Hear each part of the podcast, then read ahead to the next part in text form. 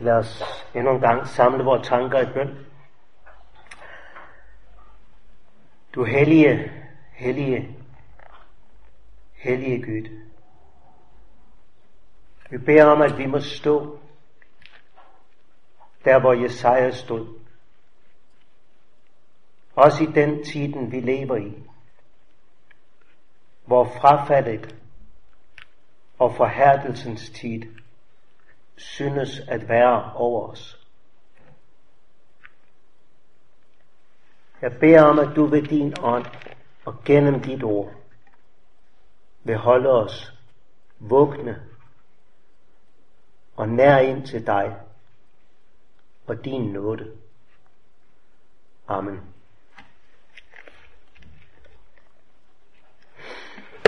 I denne time skal vi se på Jesajas 6. Men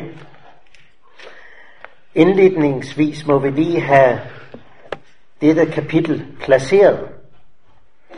Og øh, der er det vigtigt at lægge mærke til, hvordan Jesajas bog begynder, som vi så i første time. Det begynder jo med dette vers, kapitel 1, vers 2. Hør himmel, lyt jord, for Herren taler. Og øh, med den her begyndelse henviser Jesajas faktisk til Moses. Så det, det er de store perspektiver, vi skal have på plads indledningsvis, for at forstå Jesajas 6. Når Jesajas han henviser til øh, Moses, så er det til Moses afskedstale og afskedssang, slik vi møder det i de sidste kapitler i 5. Mosebog. Der hører vi blandt andet i kapitel 31, at da Moses han er færdig med at skrive denne lovs ord fra ende til anden, så kalder han de ældste sammen. Og øh, så siger han, jeg vil tage himlen og jorden til vidne mod dem. Der har du det. Himlen og jorden. For jeg ved, at når jeg er død, vil I handle fordærveligt og vige fra denne vej, jeg befalede jer at følge. Men ulykken vil ramme jer en gang i fremtiden, fordi I gør, hvad der er ondt i Herrens øjne, og krænker ham med jeres hænders værk. Øhm, nu ser jeg jo lige, at jeg er begyndt på min danske udgave, og jeg har faktisk lavet en norsk. Så jeg synes jo lige så godt, jeg kunne tage den frem. Øh, to sekunder. Så, så er vi der. Himlen og jorden til vidne mod dem. Og øh, i denne afskedstale profeterer Moses om en tid, hvor ulykken skal komme over dem i de sidste dage. Og hvor de skal ægge ham til vrede ved det, som deres hænder har gjort. Og det, når han så begynder på sin afskedssang, øh, så lyder det, kapitel 32, Lyt der i himlen, lad jorden høre. Kan I se? Det er det der, Jesajas han knytter til det. Moses levede 700 år før Jesajas. Siden Moses tid der har folkets åndelige liv overordnet været kendetegnet af frafald. Der har været en stor vækkelsestid omkring profeten Samuel, hvor at vi hører om Samuels ord, at det nåede ud til hele folket. Også under Davids kongetid var det en åndelig opblomstringstid. Men ellers så må vi sige, at fra Moses og ind til Jesajas, så har det været 700 år, hvor de gang på gang og stadig mere og mere har vendt sig bort fra Herren, deres, deres Gud og hans ord. Og øhm, de første seks kapitler hos Jesajas, det er faktisk en stærk domsforkyndelse over folket.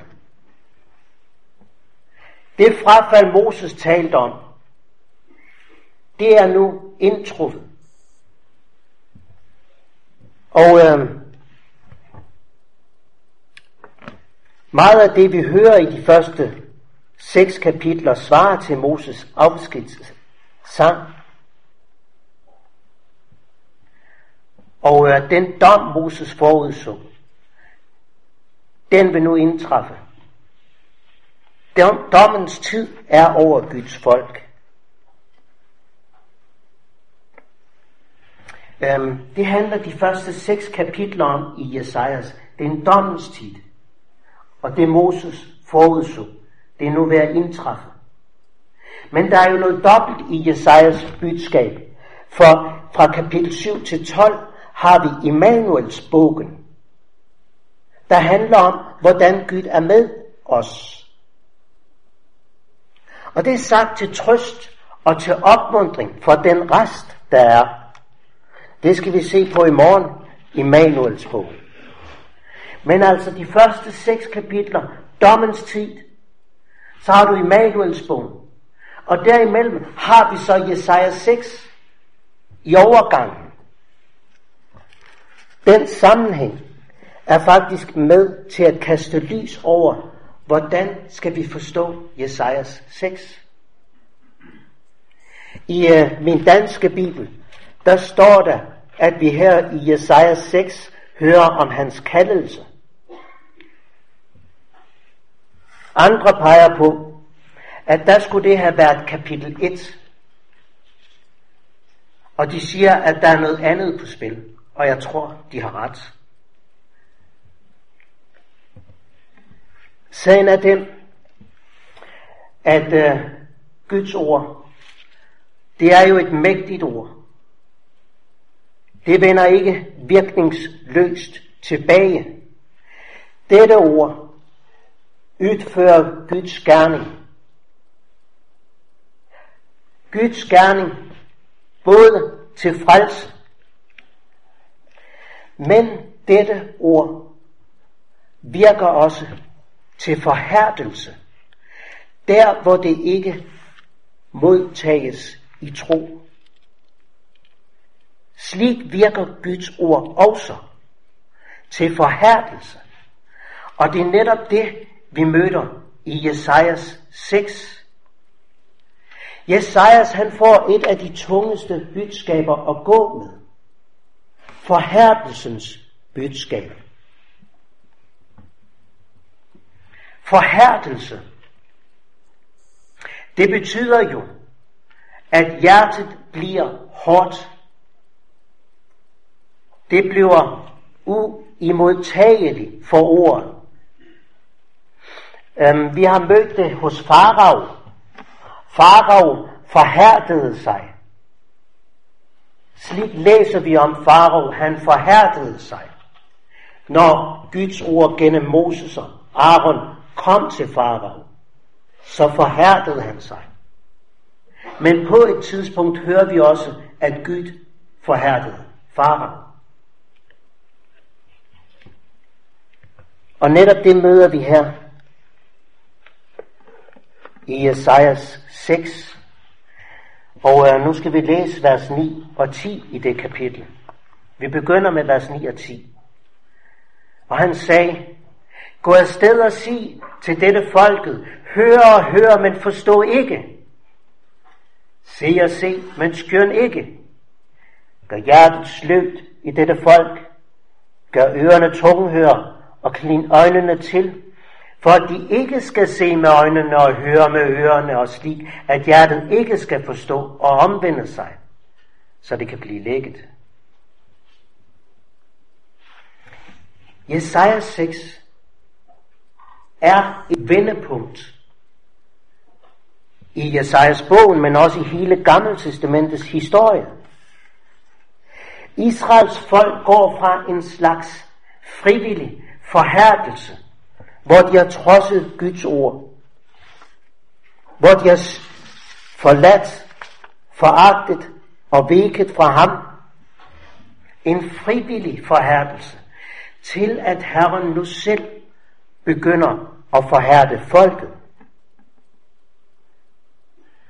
Derfor bliver Jesajas 6 et vendepunkt. Det sker trinvist. Med fangenskabet til Babylon 150 år senere. Trinvist frem mod Jesu første komme. Og denne forhærdelse kulminerer med Jesu første komme. Og øh, hans møde med farisæerne og sadukærerne og deres fjendskab mod Jesus. Og det ender med korsfæstelsen. Denne forståelse af Jesaja 6, det er helt afgørende i folkets historie. Og øh, det var endnu tydeligere, når man også ser, hvordan Jesaja 6 faktisk øh, gengives, citeres også i Nytestamentet. Når det citeres i alle fire evangelier, i apostlenes gerninger og i Romerbrevet. Øhm, for eksempel citeres det i øh, uh, Matthæus 13, vi kan ikke gå ind på det nu, men i Matthæus 13, der har vi den første lignelse af Jesus, om såmanden. Og du ved, det handler om, hvordan Gud så sit ord. Også der bliver de her vers citeret. Det er interessant, at disse vers citeres i den første lignelse af Jesus. Og det fortæller os, at lignelserne ikke er pædagogiske, pædagogiske virkemidler. Det er de ikke. Slik nogen vil sige det, at det er for, at vi bedre skal forstå. Nej, lignelserne sætter skæld, slik at nogen ser, men andre forstår ikke. Det er forhærdelsens dom. Gud vil, at de ikke skal se og høre. Og med lidelserne fra Matthæus 13 og fremad, der er det som om, at Jesus han koncentrerer sig primært om at undervise disciplene og trækker sig i større grad tilbage fra folket. Og det samme træk møder vi i de andre evangelier. Slik øh, anvendes, citeres Jesaja 6, 9 og 10 i evangelierne. Også i Romerbrev, som sagt. Vi kan ikke gå mere ind på det nu. Men det er et afgørende punkt, Jesaja 6.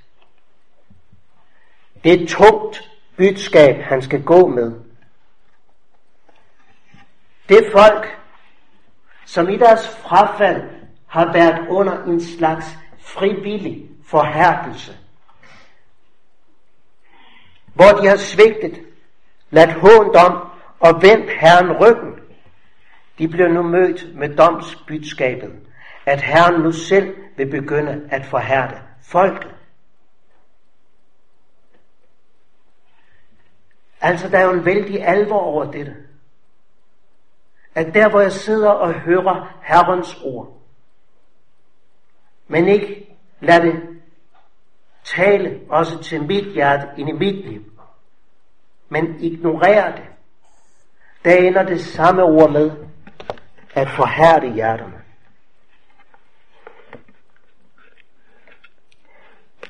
Jeg må sige, jeg synes, dette perspektiv over Jesajas 6, det er blevet vældig stærkt for mig. Selvvalgt forhærdelse til at Gud nu forhærder sit folk. Og det begynder med disse ord. Gør hjertet sløvt. Sløvt, slik de ikke forstår og ikke omvender sig. Kan du høre det? sløve hjerter, ingen anger, ingen bod, ingen omvendelse. Det er forhærdelsens tid.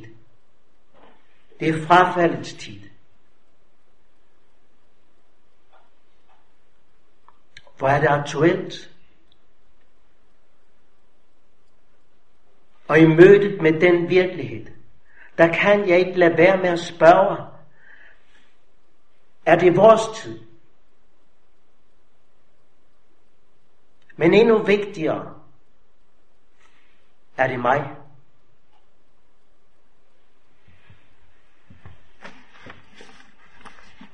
Samtidig med, at det spørgsmål har trængt sig på, er det vores tid? Er det min situation? Der har det været utrolig klargørende. Også at lægge mærke til de to personer, vi møder i Jesaja 6. For disse to personer er med til at skabe klarhed over denne sag.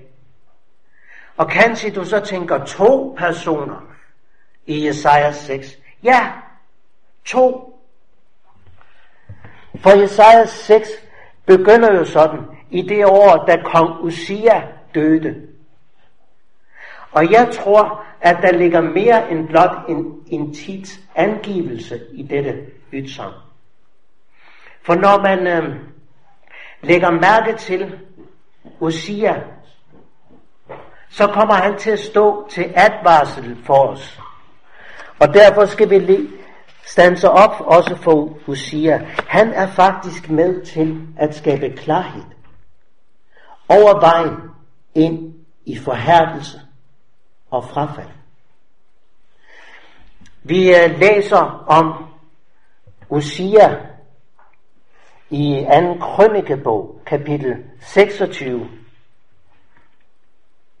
Um, Usia, inden vi læser, Usia han var regeret i 52 år, og under hans tid, der genvandt Juda rige sin gamle storhedstid og velstand. Vi læser vers 5 her. Vi hører om, at han gjorde, hvad der var ret i Herrens øjne. Han søgte Gud, så længe Zakaria levede. Og så længe han søgte Herren, lod Gud det gå ham vel. Og så læser vi i de næste vers, hvordan det skete. Han fik mere og mere magt. Han byggede tårne. Byerne blev forstærket. Han ejede mange folk, mange dyr, fik stor magt, kampdygtig her, og vi hører, at hans ry nåede vidt omkring. Så stor en tid var det, at man kalder hans tid for den anden salomoniske periode. Den anden salomoniske periode, det siger jo ikke så lidt. Fremgang, fremgang, fremgang. Slik var det med Usia. Så sker der det med ham, som der sker, når menneskehjerterne ofte får fremgang. At vers 16, da han blev mægtig, blev han overmodig i sit hjerte til sin egen undergang.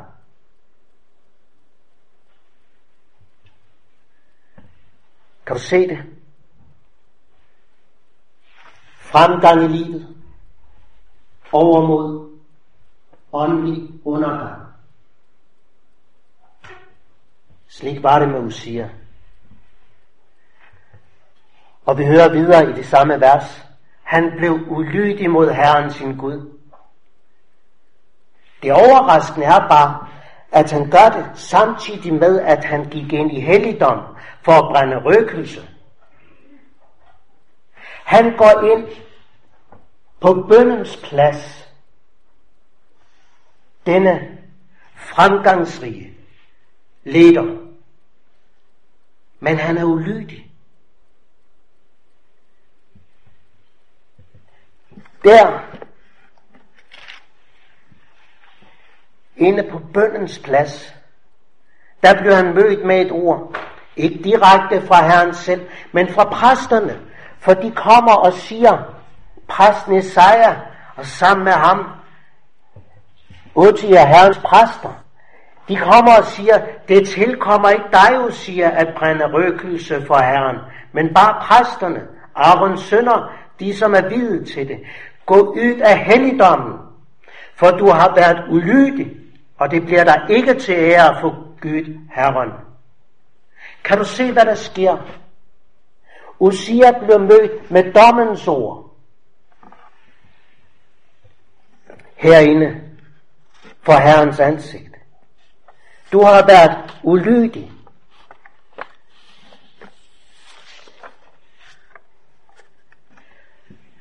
Og nu er ulykken for Usia ikke domsordet i sig selv.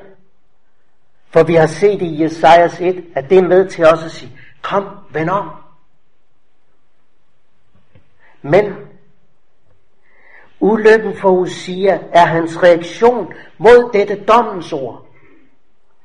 For vi hører nu i vers 19, der blev Usia vredt. Her tror jeg, vi er inde ved lukket af hemmeligheden i forhærdelsen og frafaldets tid. Når Guds domsord bliver mødt med den reaktion, vrede, afstand, det vil jeg ikke høre på. Slik var det med Usia. Han blev vred. Og man tænker, åh, om denne leder havde gjort som en anden leder, nemlig David, da han blev mødt med, du mand, der sagde David, jeg har syndet mod Herren. Men Usia, han blev vred. I min danske bibel, der står der, at han blev rasende. Rasende.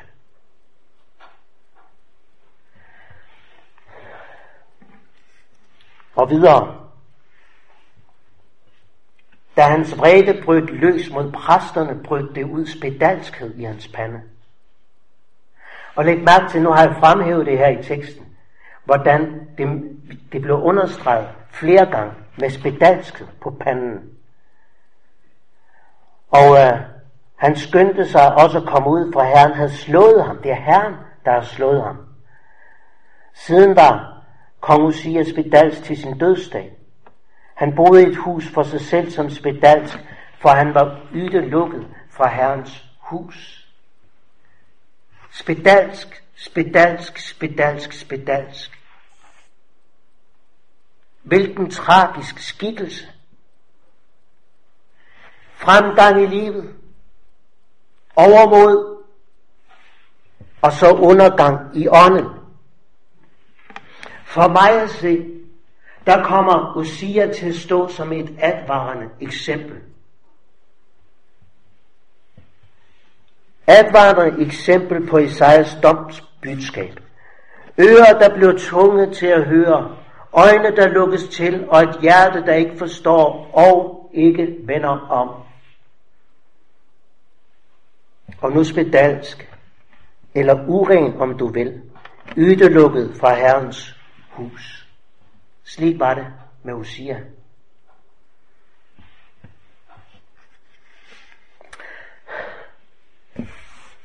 Det var nogle linjer med Usia. Og der tænker jeg, vi kristne, som lever i den vestlige verden og i Skandinavien, vi lever jo i den rigeste del af verden. Vi lever jo i en salomonisk tid med fremgang. Og vores største problem, det er, hvordan bevare denne fremgang. Det er vores største problem. Største udfordring. Og der kan jeg ikke lade være med at tænke på, er det vores tid, vi møder her? Med sløve hjerter, tung hører ører, tillukkede øjne, som man ikke forstår, og ikke omvender sig, og ikke vil høre på denne mørke tale. Er det vores tid? Er det det? Jeg tror det. Jeg kender ikke det fulde og endelige svar. Og jeg tænker også, at vi står på hellig grund. Kun Herren ved, hvornår besøgelsestiden er forbi for vort folk. Men jeg synes jo, indikatoren, slik vi møder det i Romerbrev 1, indikatoren siger os, at vi er på vej ind i en sådan tid, hvis vi da ikke allerede er det, hvor Herren prisgiver sit folk. Men forstår du? Der er et spørgsmål, der er langt, langt vigtigere. Det er, er det mig? Hvor står jeg selv i det her? Og her skal I lægge mærke til den anden person, nemlig Jesajas. Og læg mærke til, hvor han står. Hvor er det, Jesajas står? Hvordan skal man undgå at komme ind i denne forhærdelses og frafalds strøm? Jo, vers 1-5. I det år, da kong Usia døde, så jeg Herren sidde på en høj ophøjet trone og slæbede hans kåbe fyldte templet. Serafer stod omkring ham. Øh, seks vinger havde hver. Med to dækkede han ansigtet. Med to dækkede han fødderne. Med to fløj han. Og den ene råbte til den anden og sagde, Hellig, hellig, hellig er Herren, herskars Gud. Al jorden er fuld af hans herlighed. Dørposternes feste øh, blev ved rysten af dem, som råbte, og huset blev fyldt med røg. Der sagde jeg, ved mig, jeg er fortabt, for jeg er en mand med urene læber, og jeg bor midt i blandt et folk med urene læber, og mine øjne har set kongen, Herren, herskars Gud. Her står Jesajas. Midt i denne forhærdelses, frafaldets domstid.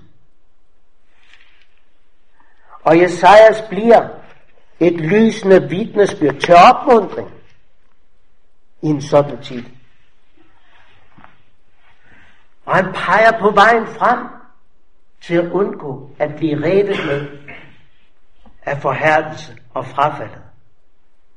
Foran den hellige, hellige, hellige, hvor selv englene med deres vinger må skjule ansigt og fødderne for de kan ikke se den almægtige direkte. Jesajas han bekender, jeg er en mand med urene læber. Og med dette så taler han jo også om sit hjerte, for der er en sammenhæng mellem, hvad hjertet er fyldt af, løber munden over med. Jeg er den urene. Vi har lige hørt om Osia, at han var uren. Spedalsk, spedalsk, spedalsk. Jesajas han ved, jeg er det også. Det er ude med mig. Jeg er fortabt. Jesajas han siger, jeg har ikke noget fortrin frem for Osia og de andre.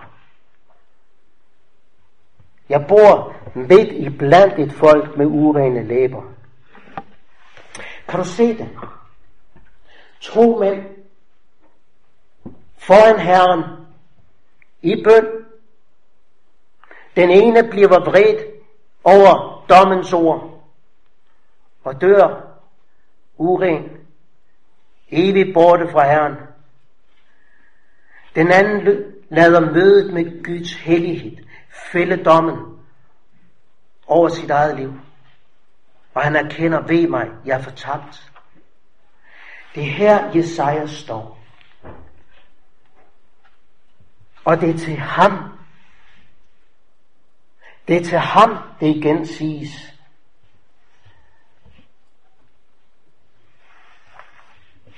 At en seraf tog en glødende sten i hånden. Men tang havde han taget den fra aldret, og han rørte ved min mund med den og sagde, se, den har rørt ved dine læber. Din misgerning er taget bort, og din søn er sonet. Det er til ham, disse ord lyder. Det er der Jesaja står, hvor Guds ord får lov at afsløre, dømme hjertets tanker og meninger. Og det er ham, nådens ord rækkes fra det himmelske alter. Din søn, misgerning er taget bort. Læg mærke til, Gud giver ham ret. Han siger ikke, ah, visse basse, Esajas, du er nu fin nok. Det siger han ikke. Du har ret, Esajas.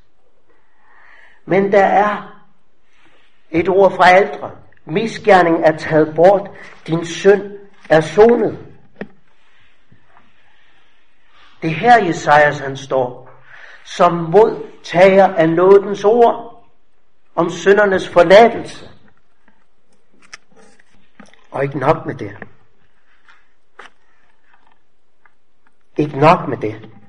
Nu skal du høre, hvordan apostlen Johannes udlægger det her. Hvem er det, Jesajas han siger? Jo, når apostlen Johannes, han citerer det her sted. Så skal du høre Johannes 12, vers 37. Endda, og det er Jesus, der taler om, endda han havde gjort så mange tegn for øjnene deres, troede de ikke på ham. Det var for dette ord hos profeten Jesajas, og nu er det 53, der citeres først, skulle blive opfyldt, som han har sagt, Herre, hvem troede det budskab, vi hørte, og hvem blev Herrens arm åbenbaret for? Derfor kunne de ikke tro, for at også dette har Jesaja sagt, og nu citeres kapitel 6, vers 10. Han har blindet deres øjne, og forhærdet, der har du den udlægning af sagen, forhærdet deres hjerte, for at de ikke skal se med øjnene, forstå med hjertet og omvende sig, så jeg kunne lægge dem. Dette sagde Jesajas fordi, og så kommer det. Han så hans herlighed og talte om ham. Det er jo helt vildt. Jesajas ser Jesus, som er fra evighed af. Han ser Jesu evige herlighed. Ser Kristus, før han er kommet som menneske. Ham, som fra evighed er Gud. Og han ser offeret på korsets evige herlighed. Og han står selv som modtager af dette ord fra himlen. Hvor Guds lam er slagtet fra evighed. Og hans øjne ser, hans ører hører, og hans hjerte tror dette ord. Din søn, misgerning, er taget bort, din søn er sonet. Der står han som modtager af dette ord. Og jeg understreger det her er ikke Jesajas kaldelse. Det er ikke hans begyndelse. Det er det ikke. Det er her Herrens tjenere står. Der som de ikke skal rives med i forhærdelsens og frafaldets tid. Åh Gud giv, at vi må blive stående der. Denne advarelse til Guds folk på Jesajas tid blev gentaget på Jesu tid. Og denne advarelse må vi tage ind over som Guds folk også i dag. Og derfor må jeg sige til jer, ungdom, som kanskje er opdraget i et kristent hjem, kanskje også har gået på kristne skoler, videregående skoler, kommet i kristen ungdomsklub, og som sagt er vokset op i den rigeste del af verden, Jeres største udfordringer i livet er kanskje at være på omdrejningshøjde med jeres venner i forhold til tøjstil og i forhold til opdateringer på sociale medier. Det er jeres største udfordring, kanskje. Eller til jer unge familier, som måske er rykket op i samfundet, nogle år ældre, har stiftet hjem, godt i gang med karriere, venten du den ene eller den anden gruppe. Jeg må spørge, Hvor står du? Har du nogensinde erkendt med Jesajas, at du midt i dit fremadstormende liv, har du da erkendt, at du står til ansvar med dit liv, dine ord, dine handlinger, foran den hellige, hellige, hellige. Har Guds ord nogensinde nået dit øre, dit hjerte, så du med Jesajas må erkende, ved mig. Jeg er fortabt.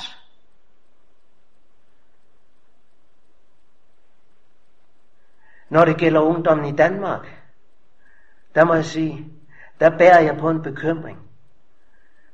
Og det er et svar fra mange af der vil være. Nej, der står jeg ikke. Der har jeg aldrig stået. Eller måske andre vil svare jo en gang. Men ikke længere. Det er jeg færdig med. Hvis du endnu kan høre, og hvis dit hjerte endnu ikke er blevet sløvt, så vil jeg opmuntre dig til at bede Guds ånd om, at han må vise dig dine brister, så du aldrig mister nådens lægedom. Nu citerede jeg lige en sang, og du, I kunne jo godt slå op på den, for jeg kommer til at citere den her i den sidste del af prædiken. Det er nummer 476. 476.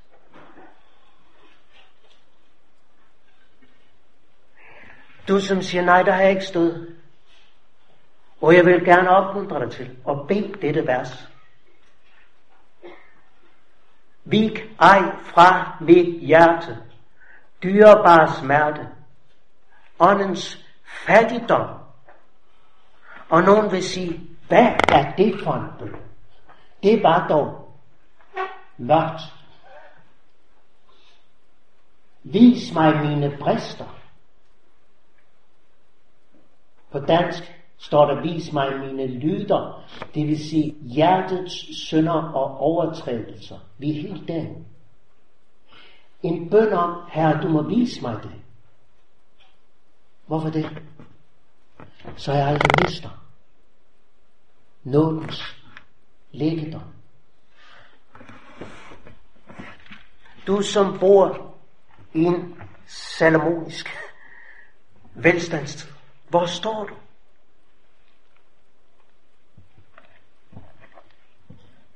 Og du som har kommet mange år i Guds forsamling, kanskje det meste af dit liv, du bor jo i samme del af verden med fremgang. Kanskje du har oplevet fremgang med din, din virksomhed. Eller er blevet forfremmet på jobbet. Eller kanskje du har en lederposition i medien.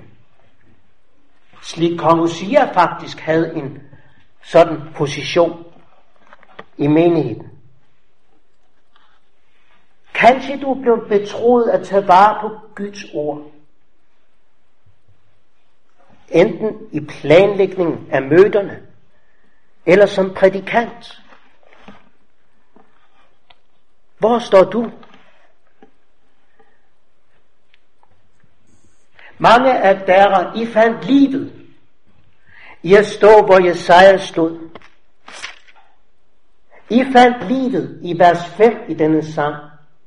Højst elendig går jeg, men i Kristus står jeg, dog i helligt grød. Jeg i dette klæde, ren og skøn, kan træde frem for himlens skyt.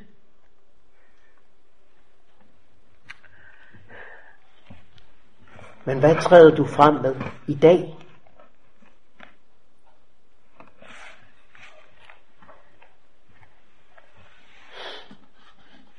Kanskje jeg taler til nogen, som står der, hvor farisæerne på Jesu tid stod. Du ved ikke, at det er samme sted, for du skal jo ikke, du vil ikke være en farisæer. Men du har det slik, farisæerne er optaget af at leve til Guds ære, er øh, nidkær, er øh, meget optaget af også at leve til Guds ære, følge Guds ord, og det er godt. Men alligevel må jeg også spørge, får Guds ord lov at stille dig, hvor Jesaja stod? Så du må sige, ved mig, mine læber, mit hjerte er urent. Og hvor du erkender, at syndens sum er konstant i mit liv. Og i dig selv er du fortabt.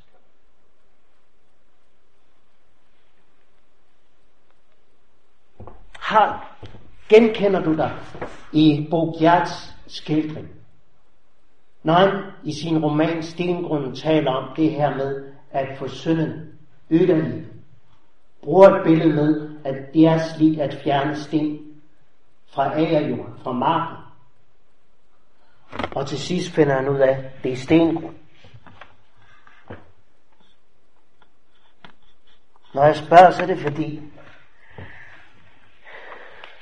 i Danmark ved jeg om nogen, som synes, det billede kan vi ikke længere bruge. Stengrunden. Det er for mørkt. Det var der Jesajas han stod. Men er du færdig med at stå der? Ligesom Mosia. Han vil ikke stå der. Farisæerne havde heller ikke brug for Guds søn som deres stedfortræder. Som søndebær. De kendte ikke ham som Guds lam. De var fromme. De var lidt kære. De tog Guds ord utrolig seriøst, alvorligt. Men de fik aldrig brug for det Guds lam, der kom for os at bære deres sønder. Og jeg kender den kampen for at blive stående der, det må jeg sige. For der er noget i mig, der ikke ønsker at stå der. Og derfor må jeg ofte bede vers 1 i denne sang, og begynder ofte min andagsstund med denne bøn. Vik ej fra mit hjerte, dyrebare smerte, åndens fattigdom. Sig mig mine brister, så jeg aldrig mister nådens læder. For jeg har fundet ud af, at jeg kan ikke tage den erkendelse af mig selv. Ej heller bevare denne erkendelse af mig selv kun der, hvor Gud ved sin ånd gennem dette ord får lov at afsløre hjertets tanker og meninger. Og slik ledte mig til Kristus. Slik ledte mig til det sted, hvor min misgerning er taget bort, hvor din søn er sonet. Hvordan undgår vi denne frafaldets og forhærdelses tid, som kulminerer i farisæernes lære på Jesu tid. Hvordan undgår vi forhærdelsens tid? Der skal du lægge mærke til, at forhærdelsens årsag, og det er vigtigt, forhærdelsens årsag er ikke din urenhed. Læg mærke til det. Forhærdelsen skyldes ikke din urenhed.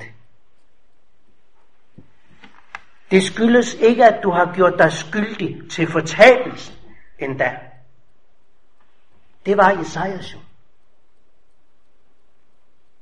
Så det er ikke det, der er forhærdelsens årsag. At du er så uren.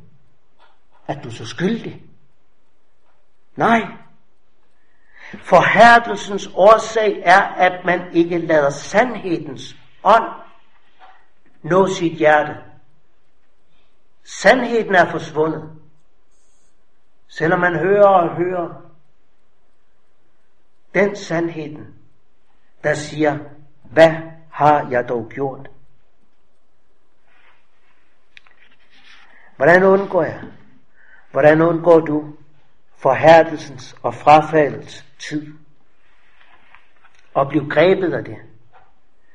Det gør vi ved at blive stående, hvor Jesajas han stod. Og i ydmyghed bedt om den hellige ånd, så han må give os ører at høre med, øjne at se med, og et hjerte, der lever i dette omvendelsens liv. Nu ser jeg omvendelsens liv. Ja, hvor du også står som modtager for det omvendelsens liv. I det jeg dagligt fortryder og bekender det under i mig, også modtager søndernes forladelse gennem Guds ords forkyndelse og gennem Herrens nådemidler.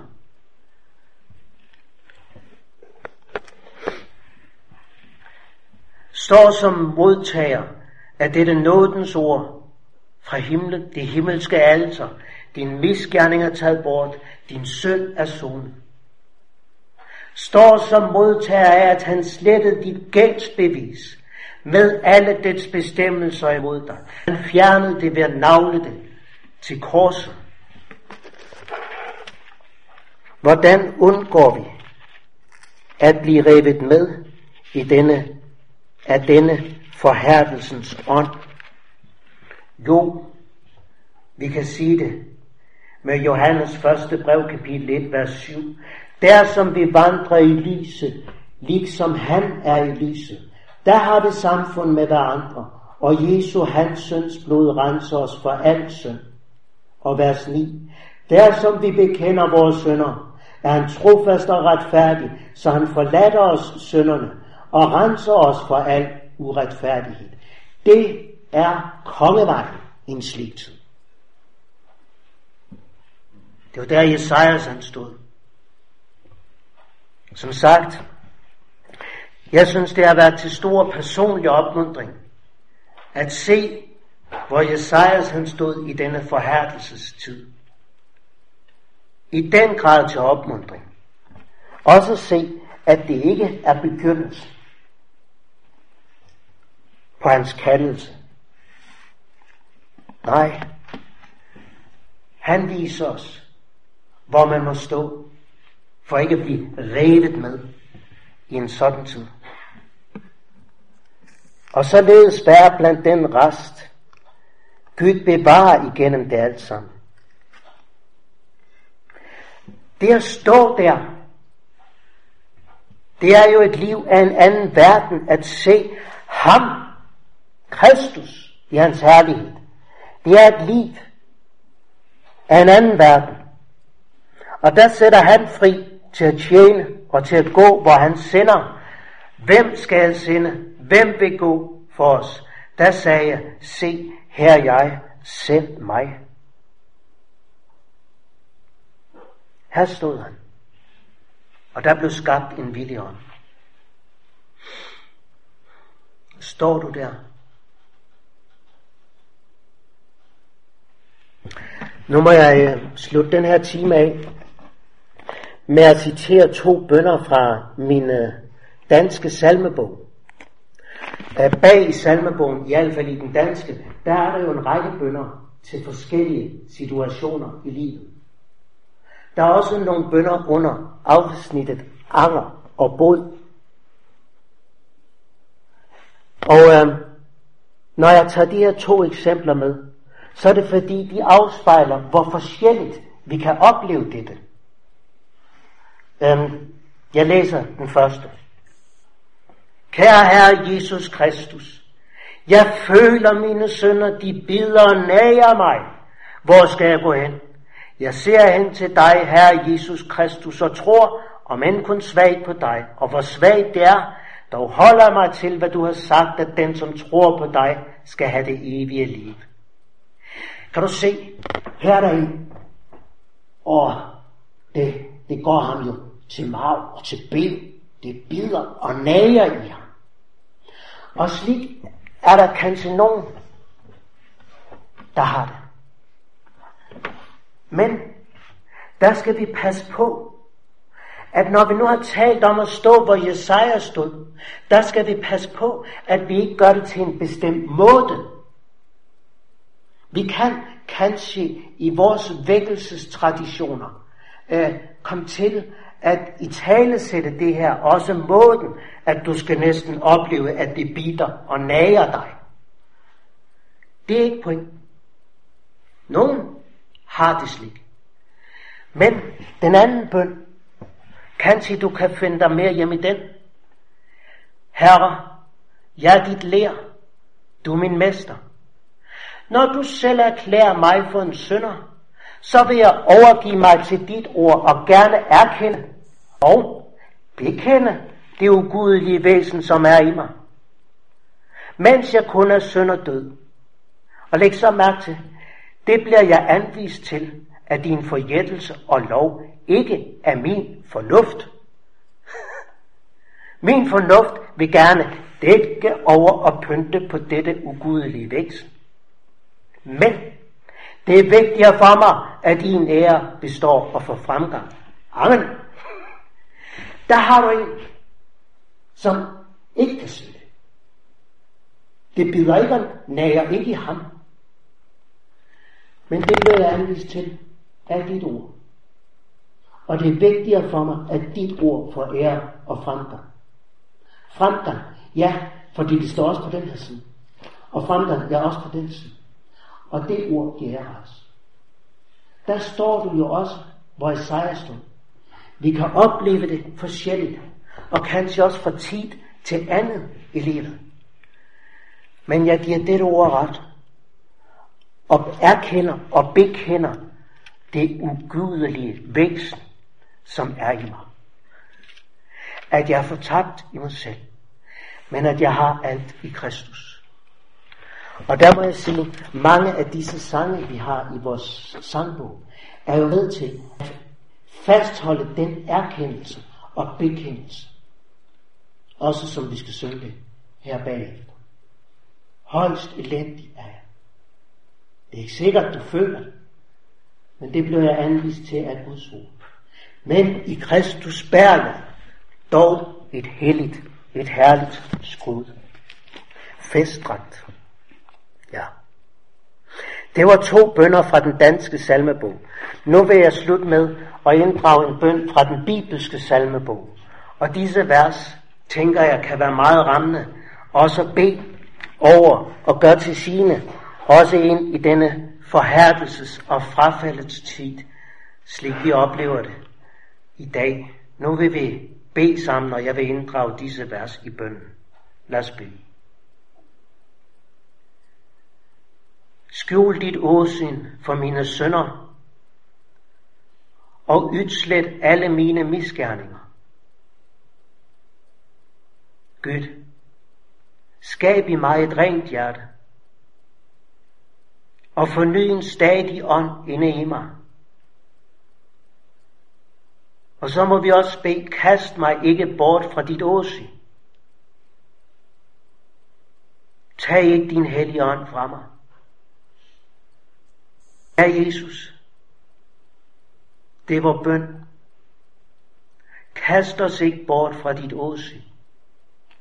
Og lad os få den erkendelse, slik David her formidler til os at du er en Gud, der uden personsansættelse kan kaste selv en David bort fra dit åsyn. At jeg erkendelsen af, at jeg står over for den hellige. Hellig, hellig, Kast mig ikke bort fra dit åsyn. Og tag ikke din hellige ånd fra mig. Nej, i stedet beder vi om, at du igen må give mig din frelses fryd. Lad mig igen fryde over, at jeg får lov at høre Jesus til, slik jeg er. Giv mig igen din frelsesfryd, og giv mig også dermed en villig ånd. Villig ånd til at gå når du spørger, hvem skal jeg sende? Herre, lad denne frelsens ånd være i vores liv og smelte sammen med vores tilbedelsen af dig, du Guds lam. Og lad denne nye sang, frelsesang, virke råd i vores hjerter. Amen.